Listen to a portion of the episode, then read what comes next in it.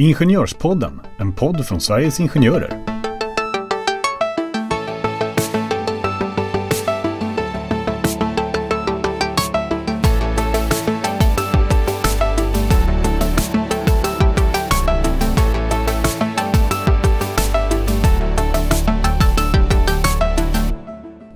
Avsnitt kommer att handla om eh, lite olika typer av förhandlingar och förhandlingsteknik. Ni kommer även få höra varför Rickard Levin ibland är så väldigt arg under sina förhandlingar. och att jag utvecklas som människa. Just det, glöm inte det.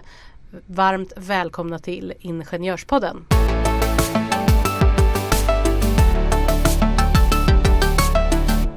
Vi har tidigare i år pratat om löneförhandlingar och löneprocesser men jag tänker då framförallt på själva förhandlingen. Vi har pratat lite om hur man, hur man förhandlar lönen.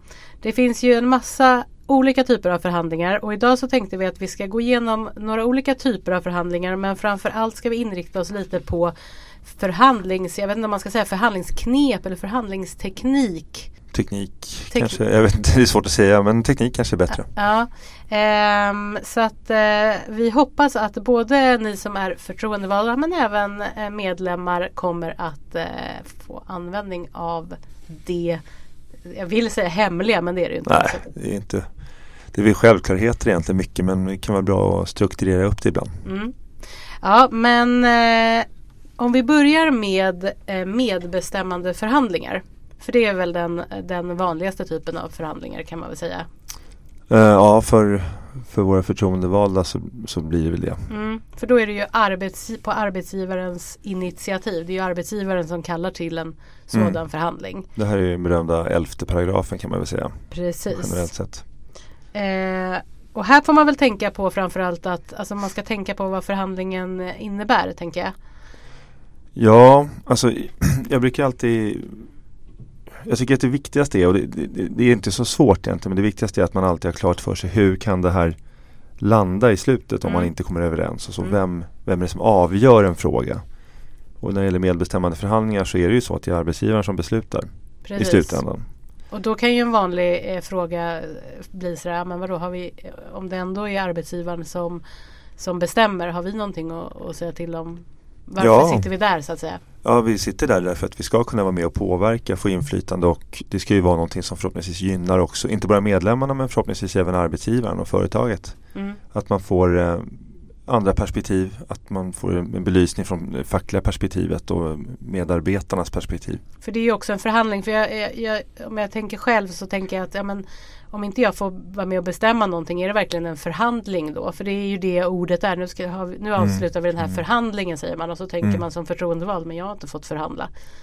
Nej, fast ett förhandlingsresultat är ju inte givet i någon förhandling egentligen. Mm. Utan förhandlingen är ju att man ska vända och vrida på saker och ting och man ska diskutera och försöka komma fram till det som då för alla egentligen är den bästa lösningen. Mm. Det är tanken med de här förhandlingarna. Sen måste ju någon fatta något slags beslut och det, det är väl kanske egentligen inte, ska inte låta för arbetsgivarvänlig här, men det är väl kanske inte helt orimligt att det är arbetsgivaren som fattar beslut om sin egen verksamhet så länge som man inte bryter mot lag eller avtal. Nej men precis, men jag, eh, eh, det är roligt också att du säger arbetsgivarvänlig för det är ju verkligen ditt mellannamn. Jo, det brukar ju vara så. ja, nej men eh, jag tänker att när man pratar om medbestämmande förhandlingar också, det är, så vikt, det är viktigt också att, att, tänka på att när man sitter där att man inte, jag representerar inte mig själv. Utan nej, att man precis. har medlemmarna hela tiden i, i bakhuvudet ja. och att man eh, med arbetsgivarens eh, medgivande såklart också får ha kommunikation med medlemmar så att mm. man hela tiden bollar fram och tillbaka så mycket man kan. Ja, den avvägningen måste man göra som facklig förtroendevald. Att man eh, ja, ser vad man behöver för stöd och hjälp av medlemmarna i en viss situation. Mm. Man får inte låsa sig, låsas upp, låta sig låsas upp av eh, ja, tystnadsplikt på ett orimligt sätt. Mm. Man måste alltid kunna företräda sina medlemmars intressen på bästa sätt. Precis. Och eh, jag tänker att vi ska ju bara dra igenom de här lite ja, kort för ja. det finns ju väldigt mycket att säga om alla olika förhandlingar och vi har varit inne på det tidigare men, mm. men det var i alla fall medbestämmande förhandling. Sen har vi någonting som heter intresseförhandling. Ja, kort sagt, det är väl när man vill reglera en fråga som tidigare är oreglerad i lag eller avtal. Mm. Om man, man skulle eh, till exempel säga att om man ska ha ett, eh, sluta ett lokalt kollektivavtal. Skulle det vara en intresseförhandling då? Det skulle det kunna vara, absolut. Mm. Ja, och sen så har vi då tvisteförhandlingar och där kan man väl tänka sig att det blir lite mera av det här vi kommer prata om sen med liksom förhandlingsteknik. För en, en tvisteförhandling då är det ju precis som, som det låter. Det rör Mm. sig om någon typ av tvist och det kan ju vara brott mot kollektivavtalet eller framförallt om det har varit en uppsägning eller Mm. något avsked som man eh, vill ogiltig eller försöka ogiltigförklara Mm. helt enkelt. Ja, men precis. Alltså, som, som vi varit inne på. Ett brott mot lag eller avtal. Då, Mm. då kan man ju yrka skadestånd för det. Mm. Och då hamnar man i en tvist om man då har olika uppfattningar om det föreligger brott eller inte. Så att i slutändan här så är det ju en, en domstol som avgör. Precis. Och även i de här tvisteförhandlingarna är det ju viktigt att säga precis som du sa med när det gällde medbestämmande att man har väldigt klart för sig för då är ju skillnaden medbestämmande förhandlingar då är det ju arbetsgivaren som kallar till en förhandling Mm, men när det är en mm. sån här tvisteförhandling så är det ju eh, f- eh, fackförbundet som, som eh, kallar till förhandlingen. Ja, precis. Om man anser att arbetsgivaren har gjort fel. Precis. Och då finns det eh, preskriptionstider som Mm. man behöver förhålla sig till. Alltså tidsfrister. Absolut. Och sen är det ju viktigt att klargöra även där sakfrågan. Ja. Eh, och lägga fram eh, sitt eh, yrkande eller vad man Mm. kan kalla det då och även om man har något skadeståndsanspråk. ja, precis.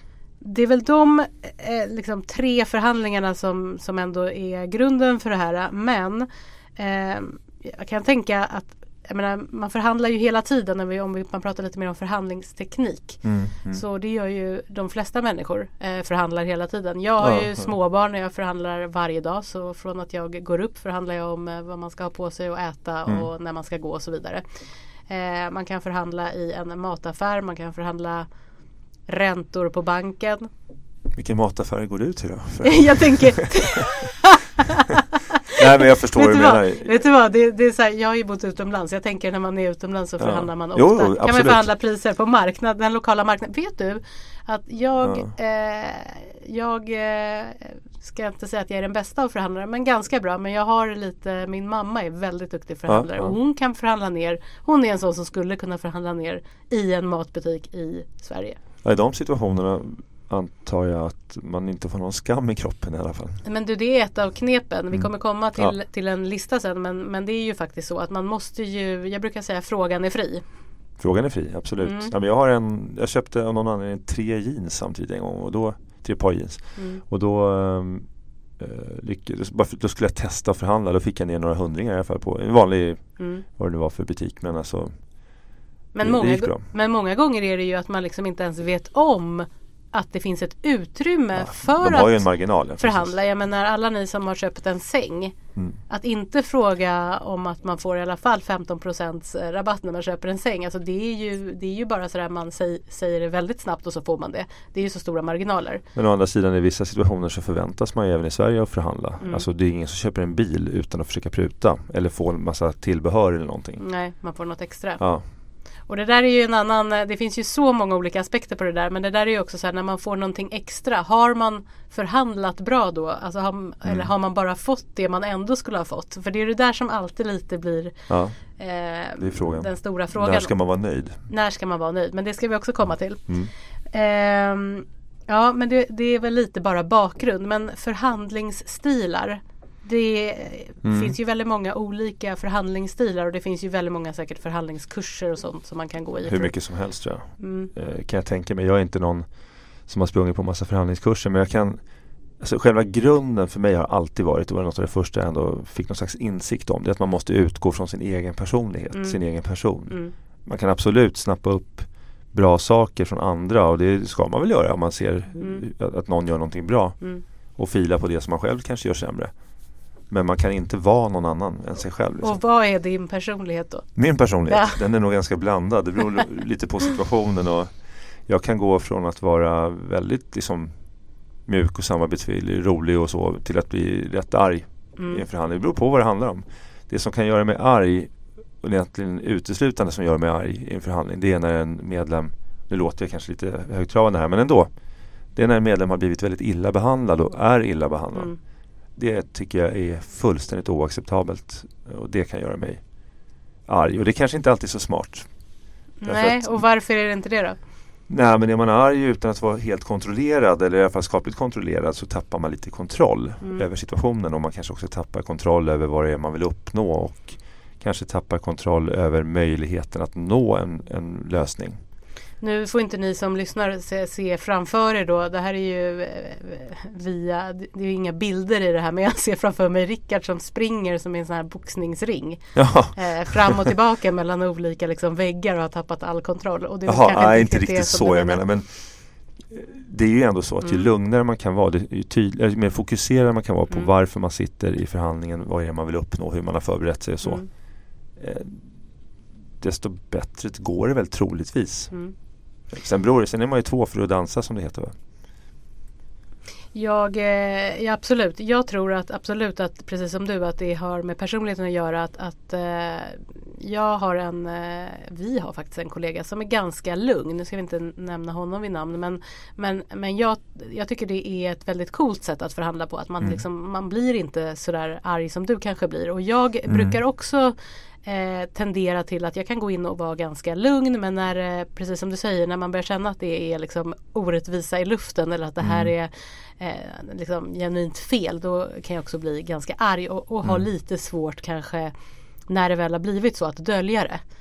Mm, ja, ja. Jag har alltid känt att så här, de, de här förhandlarna som är väldigt lugna och det är inte så mycket som berör dem men det de säger är ju egentligen samma sak som kanske både du och jag säger. Ja, det tycker jag är väldigt fascinerande men min poäng med det här är att jag mm. skulle aldrig kunna förhandla så därför att det är ju inte min personlighet. Nej, och alltså tank, grejen är, jag, jag, kan hålla med om visst kan man bli lite imponerad av människor som hela tiden sitter och är iskalla. Mm. Men det är inte säkert att deras resultat blir bättre. Nej. Eller sämre. Eller sämre heller. Va? Så att jag menar, man kan inte, det är det jag egentligen sa mm. inledningsvis. Man kan inte titta på en sån person och säga Nej. Oj, om jag gör precis så där då kommer mm. jag göra allting mycket bättre. Mm. Så funkar det inte utan det gäller att hitta sin, sin eh, förhandlingsteknik. Sin stil, sin, förhandlingsstil. Och då är det ändå så, jag, men jag, jag ser på mig själv, jag har blivit mycket, mycket lugnare. Jag, tar, jag överdriver nog lite nu va? men ska jag generalisera hur jag är och har varit som förhandlare så har det nog varit så här är mycket, mycket lugnare nu. Men det finns tillfällen när man ser att en medlem mår jättedåligt i samband med att man har varit långtidssjukskriven eller vad det kan vara. Mm. Och sen kan man ju vara, alltså, som sagt det, det, här du säger det tror jag är A och O. Att, att bara för att man är olika personligheter mm. så kan ju resultatet bli detsamma. Men sen är det klart om man tittar på sig själv så hade ju jag, om jag hade mått dåligt hade jag ju kanske haft en sån som du då hellre för att man känner att också någon står upp för en. Ibland Men kan det, det behövas. Ja. Ibland är det kanske det som behövs i just den situationen. Mm. Men du och jag jobbar som ombudsmän. Vi träffar inte samma arbetsgivare, inte så Nej. ofta i alla fall, om och om igen. Sitter man som förtroendevald så har man ytterligare ett perspektiv att väga in mm. och det är det här, den här långsiktigheten, det här eh, utbytet av pålitlighet och, och, och förtroende som ska finnas. Och då, då behöver man väga det har jag full respekt för som mm. förtroendevald måste man mm. fundera på hur man ska hantera det också. Mm. Men det där kan man ju precis som du säger att har man en eh, motpart som man ska träffa gång på gång och kanske också är den motparten som betalar ens lön då, då är det svårare. Det går inte att, att komma och bara dundra mm. in och slänga igen dörren och så, så var det klart. Nej men absolut, ja, men så är det och det, det, det måste man väga in Eh, jag säger inte att man inte kan bli arg, att man inte får visa mm. känslor. Det tycker jag att man ska göra när det behövs. Eh, bara man inte känner att man tappar kontrollen fullt mm. ut. Men jag tycker att man absolut kan förhandla både med saklighet och med känslor. Mm. Eh, men ett tips som vi alltid eh, har till våra förtroendevalda är att man inte ska gå ensam och förhandla. Just det. Och då kan man ju kanske man kan komma överens på förhand. Mm. Köra den här good cop, bad cop. Mm. Man kan hjälpa varandra under förhandlingen. Man kan ta lite pauser, gå ut och eh, ska säga, ladda om eller fundera på ny, ny information som har kommit. Så att det mm. finns ett sätt att hantera det här även om man känner att man börjar bli arg. Mm. Så kan man ju Precis. hantera det ändå. Liksom. Men jag tänkte att vi har ju en liten lista eh, och den listan kan säkert bli hur lång som helst. Vi ska mm, försöka mm. och eh, vara så sakliga och, och mm. ja, komma vidare i listan. Men vi har en lista helt enkelt på vår, lite tips, lite mm. förhandlingstips och så. Ska vi köra igång med egentligen det som faktiskt vi kom överens om att både du och jag tyckte var det absolut viktigaste? Ja men det är nog det och det är väl mm. alltså att förberedelsen är väl, väl gjord. Eller ja. så, att man verkligen har förberett sig. Det kan ju vara små frågor som går fort att förbereda. Det kan vara större mer komplicerade saker som tar längre tid. Men det är ju så med det mesta man gör att är man väl förberedd så brukar resultatet bli bättre. Mm. Man ger sig själv bättre argument också. Precis och det där kan vi ju se som ett problem också att man får eh, i alla fall som förtroendevald ofta information ganska sent. Mm. Och då har man inte den möjligheten att eh, förbereda sig väl och det blir inte kanske en, en helt lyckad förhandling alltid. Nej, och man kanske inte tar sig möjligheten alltid Nej. heller. För att man har kanske mer tid än vad man ges. Mm. Eh, man har alltid rätt till det här så kallade skäliga rådrummet. Mm. Eh, och det kanske man inte alltid känner att man får. Mm. Alltså den här möjligheten att förbereda sig, möjligheten att ta del av information. Och då eh, är det någonting som jag tycker man som förtroendevald kan trycka lite hårdare på om man känner att man inte får tid. Mm. Att begära att få information i god tid i förväg för en förhandling. Eller om det nu inte är så att man får det. Då får det första förhandlingstillfället alltid innebära egentligen en informationsgivning. Mm. Och så får man träffas igen. Mm. Mm. Eh, nu har jag lyssnat här på dig väldigt mycket och det är väl eh, eh, ovanligt för, mig, för att vara mig. Jag får säga. Nej jag skojar bara. Det, det är ett av våra tips tycker, eh, tycker vi. Mm, och det är ju mm. just att lyssna. För ibland så är det ju också så att man, man måste lyssna in även om det är så att man känner att någonting är fel. Och att man liksom vill avbryta och man Mm. tycker att nej men nu, jag vet att det här inte är bra. Man måste ändå liksom lite bita sig i tungan och lyssna Ja. in. Vad är förslaget? Precis, och ta med, ha alltid, det har väl de flesta, Mm. någonting att skriva på anteckna på. Mm. Anteckna och, när ni lyssnar. Mm. Och kan man ju anteckna någonting som man kan återkomma till. Mm. Så att man inte, det kan till och med ibland vara lite taktiskt att inte ta upp någonting direkt. Mm. Eh, då kan man låta det smälta inom en själv och sen så komma tillbaka till när det passar. Sen har vi haft eh, pratat om eh, bra förhandlingsklimat och det är Mm. väl eh, Det är det, vi har pratat om lite det är det vi har pratat om och att det ibland kan vara kanske För att det är ju faktiskt så att även om eh, Nu pratar jag för mig själv att man Mm. kanske blir arg eller att man ehm, ja, Går in ganska mycket i, i sakfråga och ja men det, det är en Mm. tuff förhandling så Tror jag ändå på att det är väldigt viktigt att ha ett bra förhandlingsklimat för att När förhandlingen är avslutad så Mm. eh, Ja. kanske man ändå liksom ska skaka i hand och Jo, eh, men så är det ju. Så att inte är, för, för annars blir det inget bra Ja. till nästa gång. Nej men alltså, som vi sa, de förtroendevalda har en annan situation Mm. än vad vi som ombudsmän har. Men inte bara det, man, jag har ju sällan gått in i en förhandling arg, utan arg kanske man blir under förhandlingen, i alla fall Mm. medveten om vad som har hänt tidigare. Man försöker ju alltid ha en, en schysst ton Mm. för att man vet att det troligtvis underlättar. Mm. Ehm, ja, så att jag menar eh, att försöka ha ett bra förhandlingsklimat, det, det, är väl, det är väl något att sträva efter, helt klart. Mm. Det innebär också att man måste på något sätt kunna lita på varandra. Det måste finnas ett förtroende, ett ömsesidigt förtroende. Och den är ju svår för det, så är det ju inte alltid. Mm. Eh, men det är klart att man, ingen av parterna gör ju heller något bra ifall det är så att man inte kan lita. För det är ju en gång går det ju att liksom bli lurad om man säger men sen Mm. blir det ju inte bra. Inte av samma person, i alla fall Nej. blir man inte lurad två gånger. Nej det, det blir inte bra. Nej. Så att, eh, och det där ska man väl prata, kan man ju faktiskt prata om också. Att, att, eh, tycker jag. Om det, om det är det som har hänt så måste man ju adressera det på något sätt. För annars Ja. blir det ju inte en bra förhandling. Nej. Och det vill ju oftast båda parterna på något sätt. Ja, precis. Det värsta som kan hända det är väl om man hamnar i någon slags ring. Du var inne på det med boxning Mm. förut och sparring och så här, Mm. Men att man hamnar i varsin ringhörna och, och där, där det står prestige på en Mm. skylt över. Liksom. Mm. För det är, det är något av det värsta man kan råka Mm. ut för. Att man blir låst av prestige. Mm. Då kommer man ju ingenstans. Ja, ehm, sen har vi Förhasta dig inte att avsluta har vi skrivit och det är väl att man liksom Tänker jag att man, man behöver inte alltid avsluta direkt utan Nej. man kan ju faktiskt eh, Som du sa, är man till exempel, nu pratar vi mycket om att man är arg Det behöver inte bara vara att man Nej, är arg, det kan vara att man måste kolla upp någonting Ja. eh, Men att man kan ajournera Mm. eh, förhandlingar i Man tar en paus Ja enkelt. precis och sen avsluta Sen ska man väl säga att det här med att Ibland är det ju bra att motparten får liksom tänka lite på saken. Men det beror ju Absolut. återigen på vad det är. För ibland är det ju bra att liksom när eh, saken är varm så att säga Mm. eh, knyta ihop säcken. Ja men så kan det vara. Man får, alltså det, här, det är svårt att ha en Ja. sanning för alla situationer. Det, Ja. det finns ju inte liksom. Men eh, Och det Precis. där är väl, förlåt att jag bryter dig Ja. nu, men det där är väl också en grej som vi ofta får frågor om. Hur kommer den här innan en förhandling och så Ja. ska man förbereda sin medlem till exempel om vi pratar att det är en tvisteförhandling. Mm. Så där får man ju ofta frågan hur kommer det här gå till och vad, hur, vad kommer hända exakt? och då finns det ju flera scenarier. Ja. Då får man ju dra de, de olika tänkta scenarier som kan uppstå eftersom ibland känner man ju inte heller motparten. Vilket de förtroendevalda Mm. kanske gör mer, Mm. oftare i alla fall. Ehm, men, men visst, det, det finns en poäng med att försöka läsa av motparten. Se, Mm. finns det en möjlighet här? Kan, kan dörren stå öppen lite till? Mm. Om de funderar lite på det, eh, ger dem någon dag eller två, finns det möjlighet att nå i mål då? Mm. Eh, eller som du själv var inne på, Mm. om jag trycker till nu och säger att ah, men okej, men då avslutar vi här så ses Mm. vi Ses vi, see you in Mm. court. Mm. men inte riktigt så. Men att då kanske man hamnar centralt eller kommer vidare. Vill de det eller vill de helst undvika det? Det måste man läsa av från varje situation. Precis och det är väl det man lär sig med att förhandla många gånger. Ja, ja. Eh, för att det, man lär sig framförallt att läsa människor och det är ingenting som man kan Ja. läsa sig till. Om, om man lär sig om sig själv också, hur man Gud, reagerar i olika situationer. Och man lär sig hela tiden, det finns hela tiden grejer som jag Mm. känner att det här kunde jag gjort lite annorlunda, lite bättre. Det är en ständig utveckling. mm. En sak som jag brukar tänka på det är just att man när man har en medlem att man inte ska lova för mycket. Mm. Eh, hellre lova lite mindre.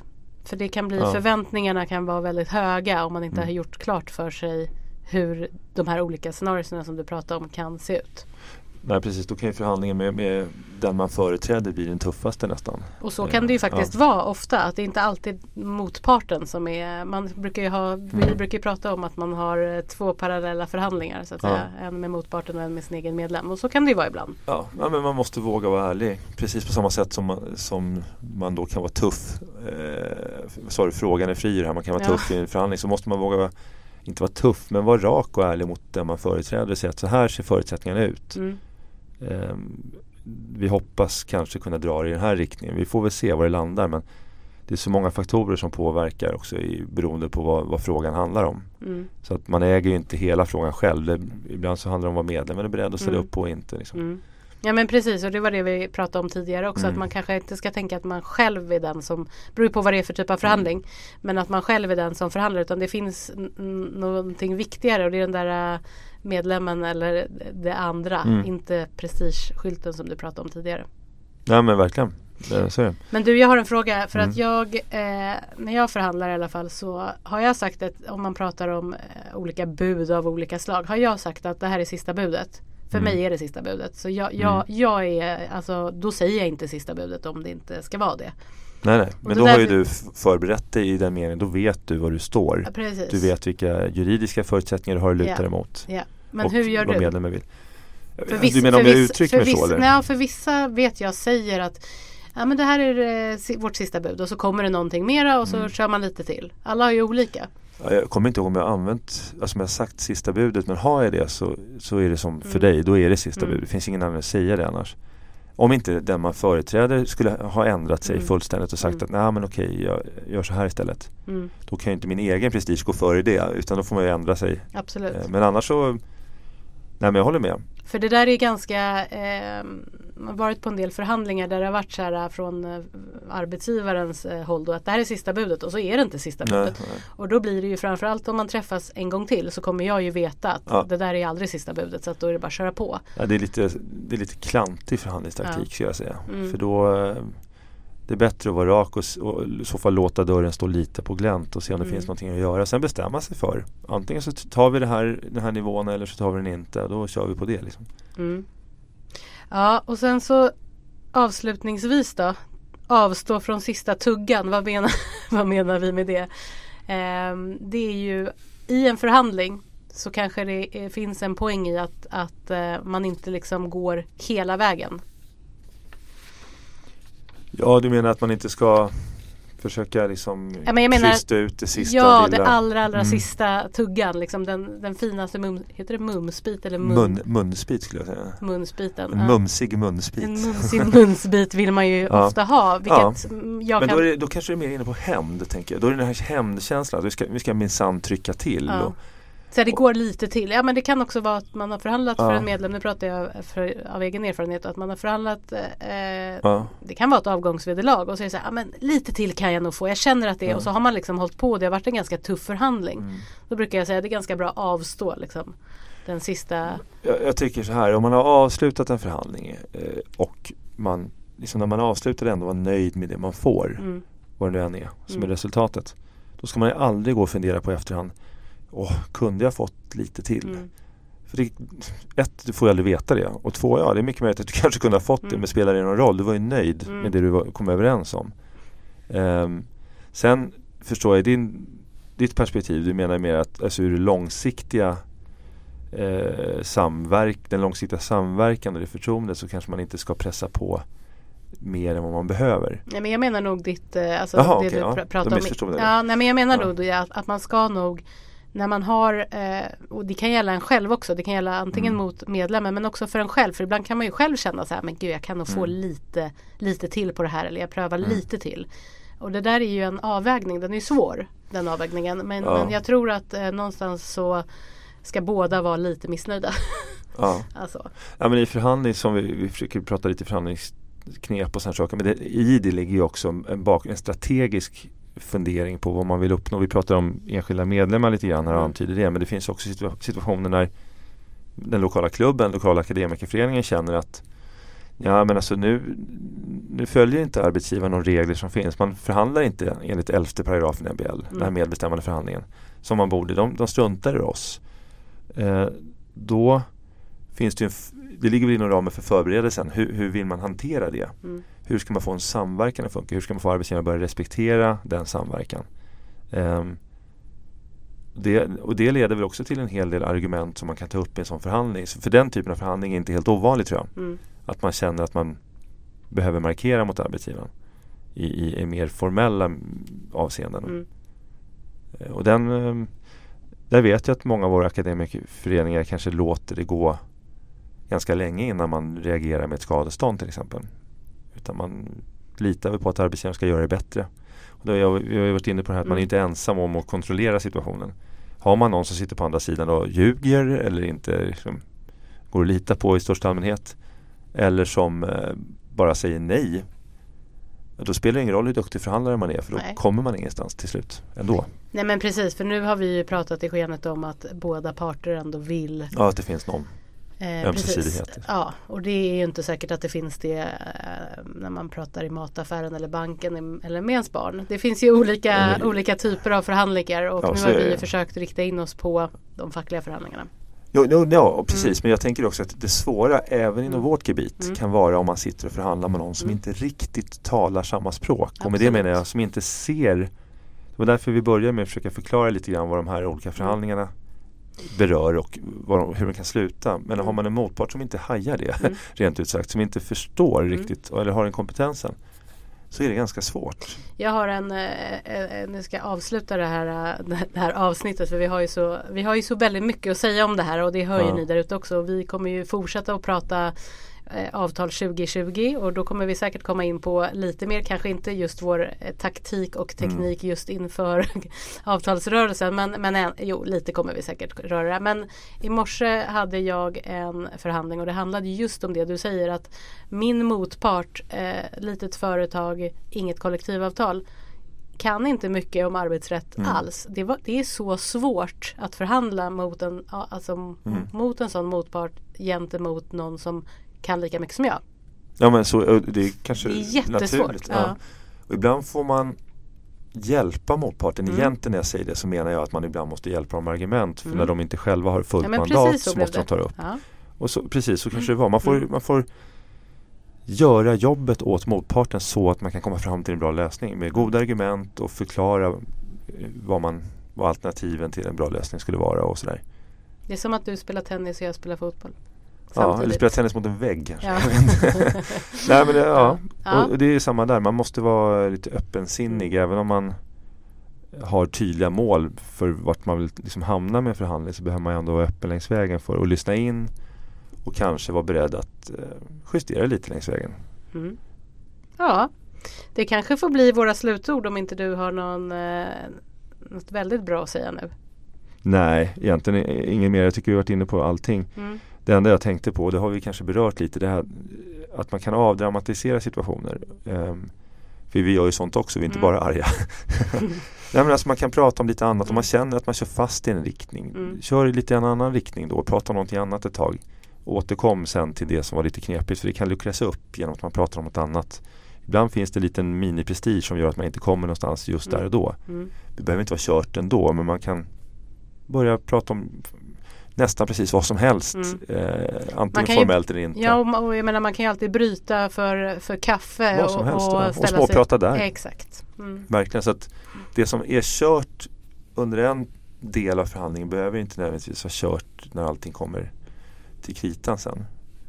Jag tror att slutorden ska också bli, för det tror jag även om, om Rickard nu eh, visar sig vara väldigt arg här hela tiden, så, så är det ju väldigt roligt ja. att förhandla.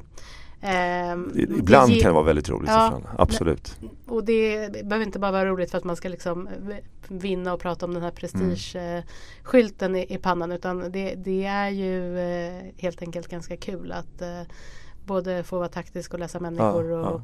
försöka hjälpa. Komma med goda argument, ja. Eh, artikulera det som man mm. liksom vill få igenom. Sen, jag tycker det är som sagt som jag sa tidigare, det är häftigt att utvecklas. Mm. Man lär sig någonting om sig själv hela mm. tiden. Ja, det får bli slutorden att Rickard Levin lär sig någonting om sig själv hela tiden. det hoppas magiskt. jag att fler gör. ja, det är magiskt. Ja, men eh, nu får ni ha det så bra där ute så säger vi hej svej så länge. Hej. Hej då.